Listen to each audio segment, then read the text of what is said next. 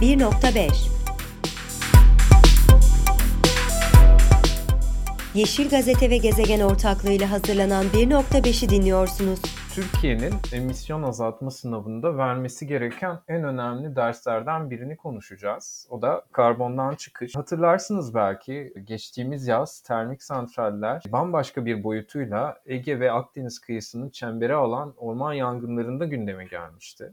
Ne kadar tehlikeli olduğundan günlerce bahsetmişti. Bu kez alevlerin yayılma tehlikesi yaşayan Muğla'nın e, Minas ilçesindeki Kemerköy Santrali gündemdeki başka bir konunun odağında. O da e, zeytinliklerin maden ocağına açılmasını sağlayan yasa değişikliğiyle.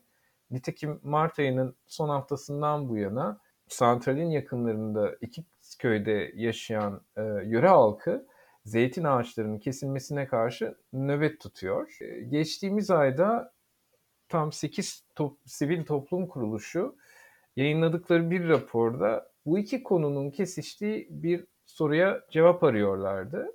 Ee, acaba hali hazırda faal olan kömür sahaları yerine güneş enerjisi santralleri yapılsa Türkiye'nin enerji ihtiyacına nasıl etki eder? Ee, bu konuyu konuşmak için konuğumuz ise kömürün ötesinde Avrupa'nın e, kampanyacısı Duygu Kutbay.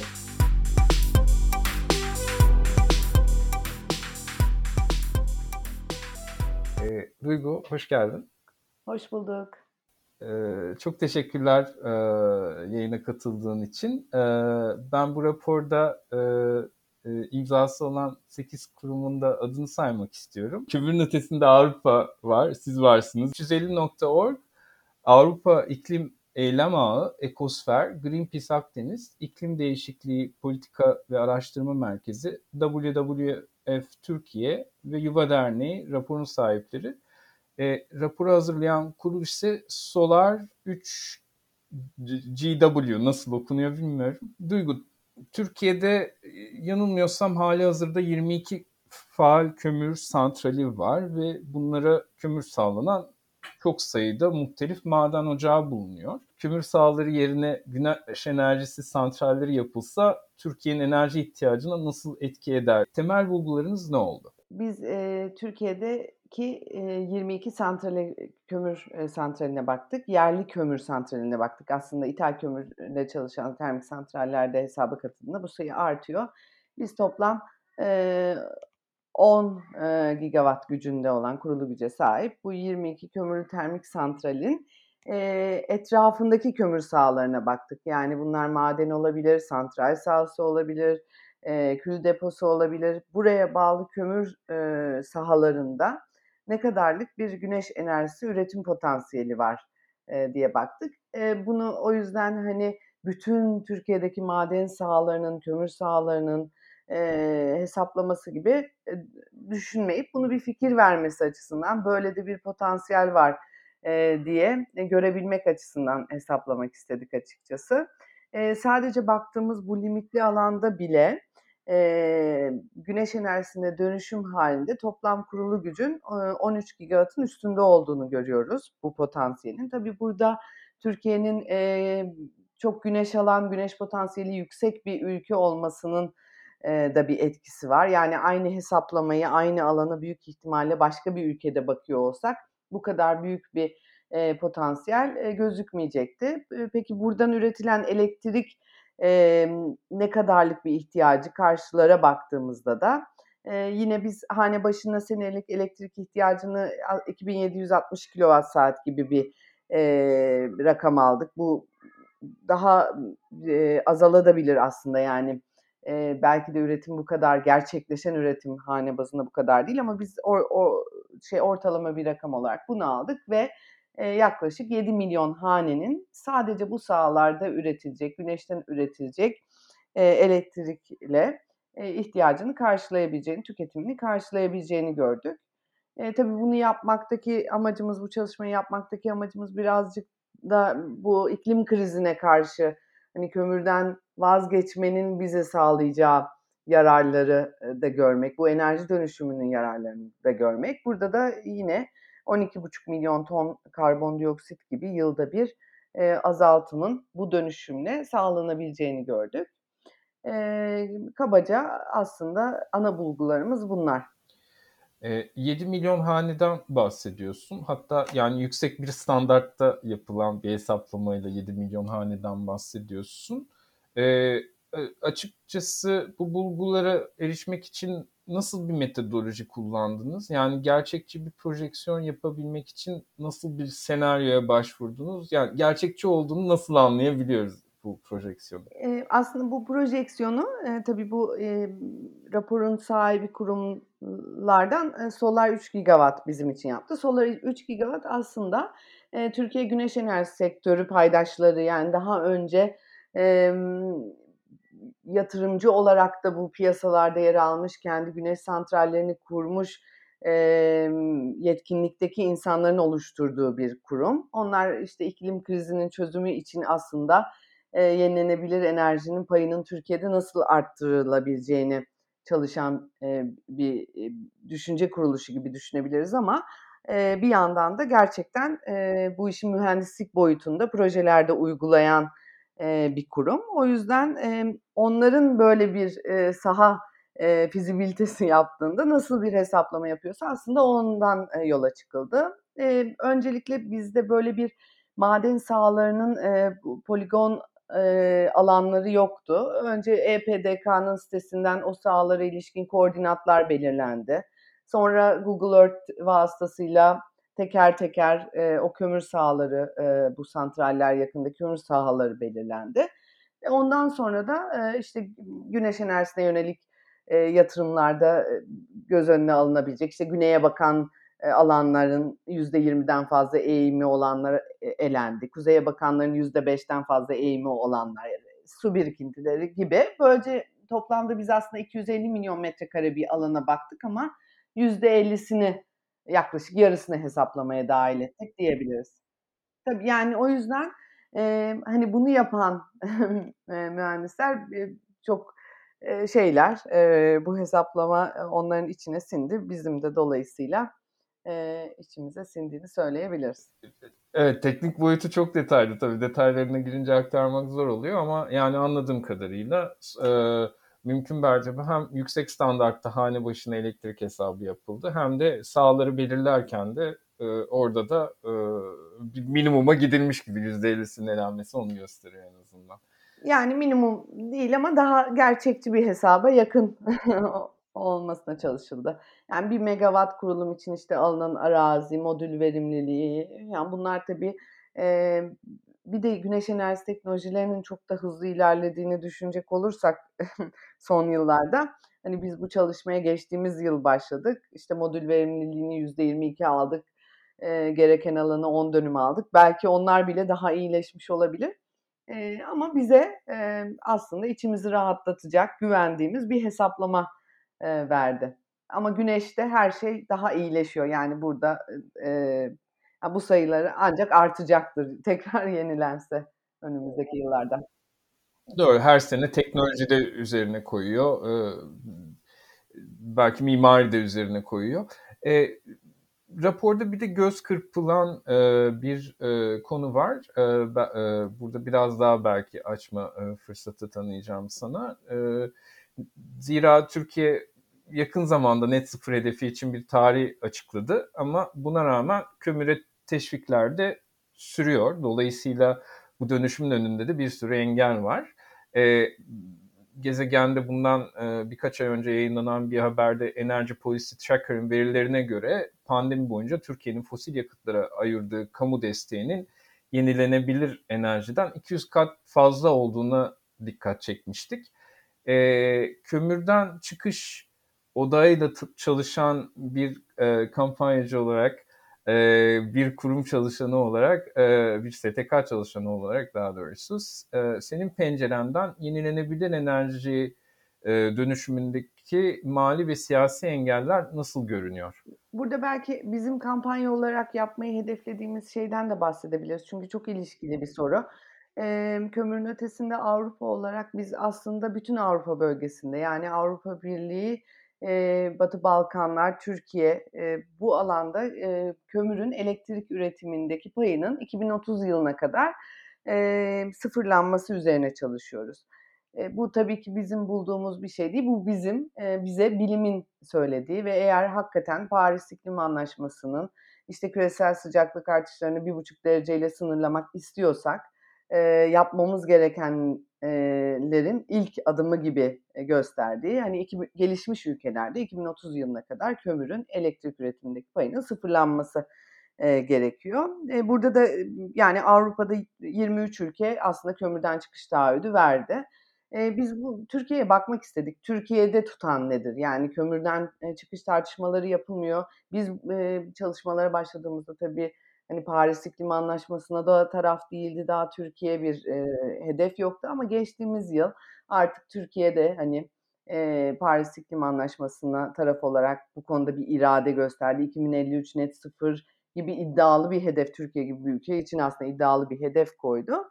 E peki bu ortamda Türkiye'de nedir kömürden çıkışın önündeki engeller diye şöyle bir modelleme yaptık. Onu da A Plus enerjiyle yapmıştık. E, 2035 yılına kadar saatlik e, elektrik e, üretimini modelledik tüketime e, oranla ve aslında şey da, diğer iklim politikalarını e, almadan biraz hani piyasalar ne diyor? Biz çünkü şunu biliyoruz kömür artık pahalı, güneş ve rüzgar artık daha ucuz. Peki niye bizde hala e, kömürün üretim payı e, yüksek, hala yeni projeler planlanıyor? E, ve şunu gördük, Türkiye'de aslında üç şey var. E, bu üç şey hallolursa Türkiye'de kömür zaten kendiliğinden sistemden çıkacak gibi bir durum var. Birincisi senin de dediğin teşvikler. Yani e, aslında e, bu e, kömürlü termik santrallerin hala işletmede kalması için e, bizim vergilerimizle e, bu şeyler, e, yatırımlar ayakta tutulmaya çalışılıyor. İkincisi Türkiye için önemli, Avrupa'dan aslında ayıran belki bir faktör geri kalanından, e, kirleten ödemiyor bizim ülkemizde. Yani bir karbon fiyatlaması yok, e, hani diğer o filtrelemeleri, hava kirliliği standartlarını falan da tabii ki e, onlar da e, çok e, daha düşük seviyelerde seyrediyor veya bazı e, işte yani yerine getirmemelerine göz yumulabiliyor bazı yatırımların. Fakat e, karbon fiyatı ekledik biz sadece, e, sabit bir karbon fiyatı. Bir de Türkiye'de bu yenilenebilirle de ilgili olduğu için lisans almada sıkıntı yaşıyor yatırımcılar, yenilenebilir enerji yatırım yapmak isteyen yatırımcılar. Burada da yenilenebilir enerjiye de teşvik vermeden ama sadece yapmak isteyen yatırımcının lisans alabildiği varsayımıyla yola çıktık ve en geç 2030 yılına kadar kömürün böyle bir senaryoda kendiliğinden e, sadece ekonomik nedenlerle e, çıkacağını gördük. Burada üç senaryo uyguladık. Biri eğer e, her hiçbir şey değişmeden giderse ne olur? Birinde Akkuyu e, nükleer santrali devreye girerse ne olur? Diğerinde de e, Akkuyu girmezse ne olur? Burada da hani nükleer gerçekten karbonsuzlaşmayı hızlandırıyor mu, muya bakmak istedik aslında. Veya maliyetleri nasıl etkiliyor? Türkiye'de zira termik iş, santral işleten ve elektrik dağıtımı ihalesi alan büyük enerji şirketlerinin ya da bunların bir kısmı da inşaat şirketinden devşirilen enerji şirketleri e, yenilenebilir e, enerjisi piyasasındaki yektem gibi teşviklerden yararlanmak için bu, alan, bu alanda faal olmaya başladıklarını görüyoruz.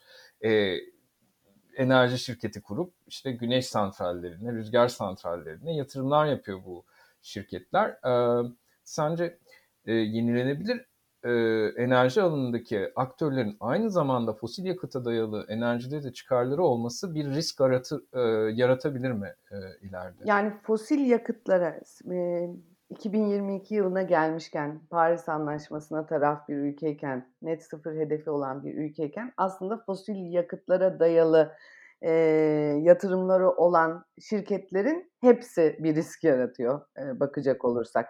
Yani bizim e, belki bir önceki soruna da e, yönelik olarak e, yapılması gereken ilk şey e, eğer bu iklim eyleminde samimiysek e, bunun daha üst düzeyde devlet politikalarıyla, devlet hedefleriyle belirlenmesi gerekiyor ve bizim artık fosil yakıtlara e, yatırımı e, bırakmamız gerekiyor. Bu yani hem küresel iklim sağlığı açısından hem Türkiye'nin yaşam kalitesini arttırması açısından hem bizim ekonomimiz, dışa bağımlılığımız yani bu bir paket. Eee, genelde, kurulan, anlatı, özellikle, böyle daha iklime karşı, iklim eylemine karşı şüpheci veya bu bahsettiğin şirketlerin, eee, önerdiği anlatı sanki iklim eylemi yaparsak, yani iklim kriziyle mücadele edersek bir şeylerden vazgeçecekmişiz, işte bir şeylerden mahrum kalacakmışız gibi bir anlatı kuruluyor. Aslında tam tersi. Yani, eee, iklim kriziyle mücadele için atılacak her adım bizim daha adil, eee, daha temiz, bir toplum yaratmak için önümüzde bir fırsat. Bu yüzden, eee, yapabilecek her türlü, eee, enerji yatırımının yenilenebilir enerjiye yapılması lazım. Dediğin gibi fosil yakıt şirketlerinin de bu yönde adım attığını biliyoruz. Çünkü daha kârlı. Eee, bugün, işte, Türkiye'de, tek, termik santral var inşaat.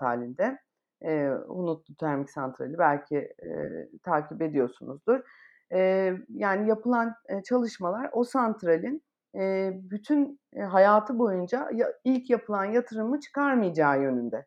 Ama onun yerine güneş yatırımı yapılsa aynı, eee, maliyetle, aynı yatırım maliyetiyle bunun en fazla 5 yıl içinde kendini geri ödeyeceği hesaplanıyor. Yani bu tarz bir, eee, piyasa mekanizması şey, eee, bu bu tarz, eee, piyasa sinyalleri içinde aslında yatırımcıların hâlâ fosil yakıtta, eee, ısrar etmesinin tek şeyi, eee, devletin bu yönde iradesini ortaya koymaması, hedefleri ortaya koymaması, emm, diye düşünüyorum.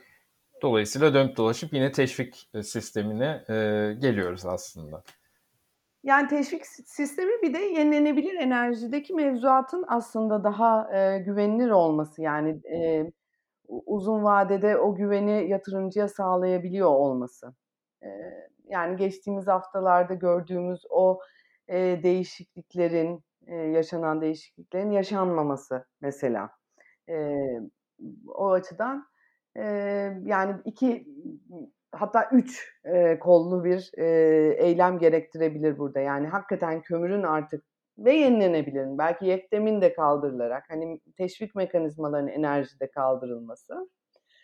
Emm, öte yandan, daha, eee, iddialı iklim hedefleriyle aslında yatırımcıya da bu sinyalin verilmesi. Yani artık yeni kömürlü termik santral yapılmayacağının verilmesi, eee, ve de dediğin, eee, gibi, eee, o teşviklerin, emm, yani onu, eee, kaldırıldığı vakitte de o şeyin, eee, mevzuatın, eee, güvenilirliğinin uzun vadede sağlanması.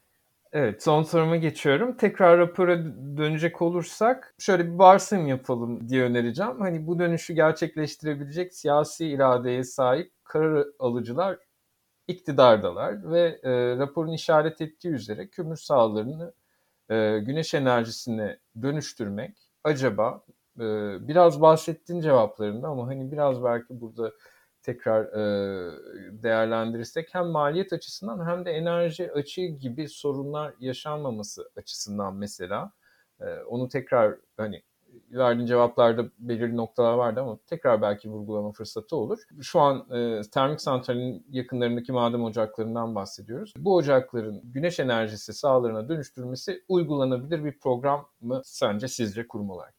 Tabii ki uygulanabilir bir program. Emm, yani önerdiğimiz için de. Dünyada da örneklerini giderek daha fazla gördüğümüz için aslında. Ama Özgün şöyle bir şey var, yani yenilenebilir enerji dönüşümünden bahsettiğimiz zaman aslında sınırsız fırsattan, sınırsız yenilikçi modelden bahsediyoruz. Yani her şey, bi biz mesela madenlerden şu ana kadar konuşurken seninle daha çok enerji ihtiyacı açısından konuştuk, piyasalardan konuştuk ama bunların, eee, iklim açısından, eee, da konuştuk ama, eee, ekosistem üzerinde yarattıkları baskı, oradaki yerel halklar üzerinde yarattıkları baskıdan bahsetmedik.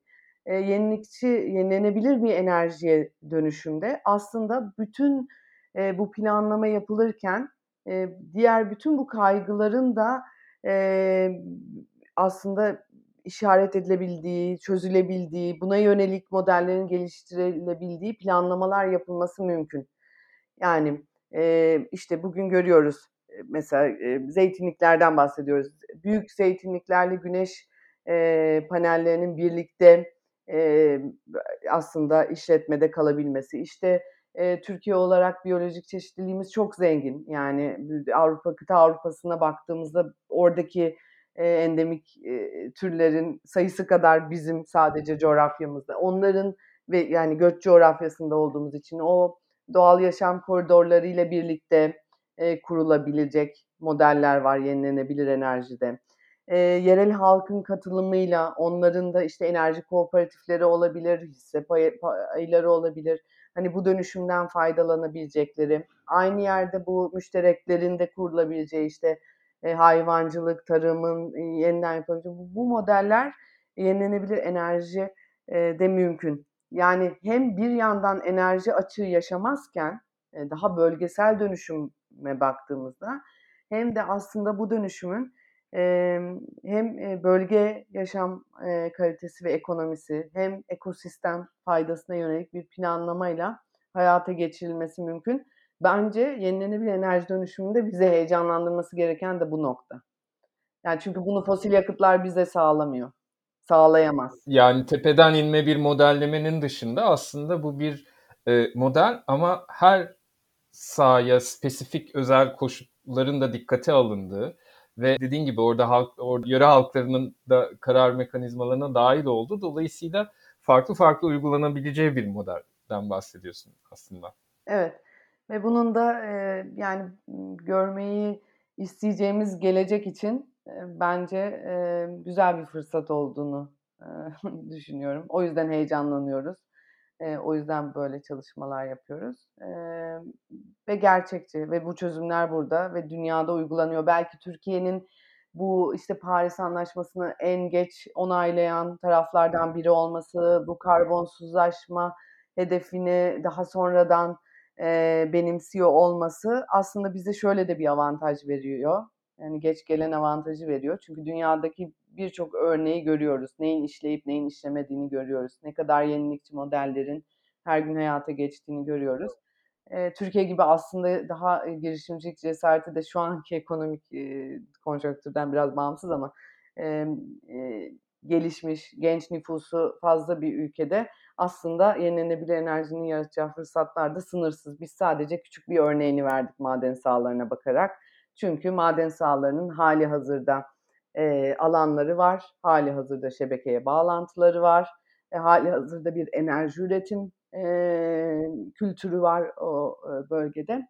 E, bundan dolayı hani madenleri seçtik ama veya kömür sahalarını seçtik. Aslında fırsatlar neredeyse sonsuz. Hele Türkiye gibi yenilenebilir enerji potansiyeli bu kadar yüksek bir ülkede. O zaman elinize sağlık diyorum. Çok teşekkürler. Ee, böyle konuşunca da hani rapor benim gözümde de daha iyi canlandı. Hani e, hem e, nasıl bir e, bakış açısıyla hazırlandı, nasıl bir e, amaçla hazırlandı. E, çok teşekkür ediyorum Duygu vaktini ayırdığın için.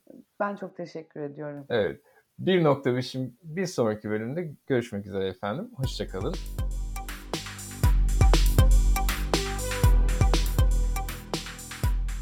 Podfresh teknik altyapısıyla hazırlanan 1.5'i dinlediniz.